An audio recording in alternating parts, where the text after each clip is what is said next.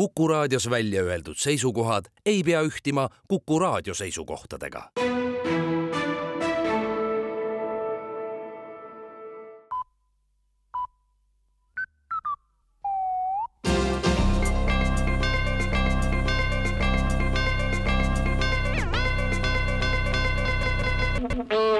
uudised on eetris ja stuudios Rohke Debelak valitsus annab teada, et tegi täna hommikul otsuse vajalike summade eraldamiseks kergeusu kiriku ehitamiseks Tallinnasse. kiriku ehitamine on ülioluline ja inimestele vajalik samm, sest riigis elab suur hulk kergeusklikke ja just neil on seni oma kirik puudunud. mitmel korral on kergeusklikud alustanud raha kogumist kiriku ehitamiseks, ent iga kord on see raha lõpuks kadunud ja kirikut ei paista kusagilt. kergeusk on laiemalt ka maailma mastaabis suurima järgijate arvuga kirik, mis on aastatega muutunud kandvaks usuks üldse, kuid kuid riik ei ole seni siiani seda tähele pannud ja ainukene erakond, kes kergeusklikega süstemaatiliselt tegeleb, on EKRE, märgib kapo värske raport. kergeusu kirikus hakkavad toimuma ka regulaarselt rumalateenistused ning kirikujuhtide sõnul loodavad nad, et teenistus kujuneb korralikuks valitsuse sees on aga jõutud konsensusele, et tänasest alates liigutakse personaalse riigi suunas hiljemalt kahe aasta pärast peavad kõik hetkel Eesti Vabariigis elavad inimesed iseendale personaalse riigi tegema, sest senine ühe riigi süsteem on oma aja ära elanud ja probleemid kuhjuvad. kui igal inimesel on aga oma personaalne riik, siis saab ta oma maksutuludega endale lubada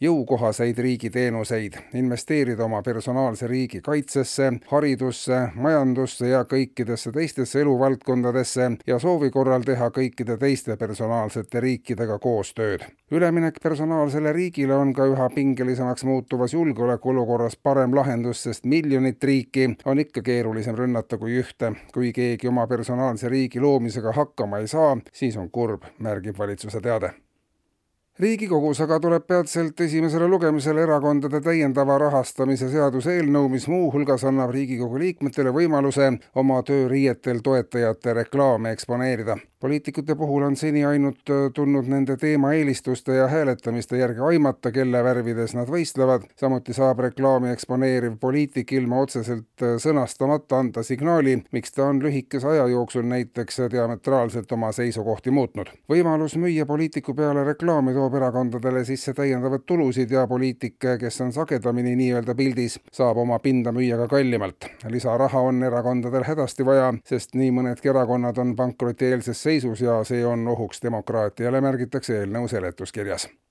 Maaeluministeerium annab aga teada, et ahjude uuendamise toetusmeede tõepoolest ei ole mõeldud otseselt nüüd maainimestele, kuid maainimestele valitsus mõtleb endiselt ja valitsus pakub ka lahendusi. üks lahendus on, et kui ahi on maainimesel katki ja raha parandamiseks ei ole, saavad inimesed sooja oma autos, mille eest niikuinii ei jõua automaksu tasuda ja seetõttu on see arvelt maha võetud, aga muidu tehniliselt nagu korras, mootor läheb käima ja salong soojaks ka. eraldi toetust maainimestele, mis võimaldaks ka autost katlamaja teha, juba koostatakse ja teaduse vallast. rühm Poola teadlasi on teinud kindlaks, et kui kovalentsete ammoniaagimolekulide diskarnatsiooni kümnend logaritmi eksponentarv ei ole mitte kümme astmes kaksteist, vaid selle beeta versioonis kasutatud Bonacieux-voolu mõjul kõikumas, erimi piires siis difuusiumi sarnasuspiirid ei ole regeneratiivsed. kõige selle kasutamisel saaks edukalt toota senisest natukene paremaid traktorikumme.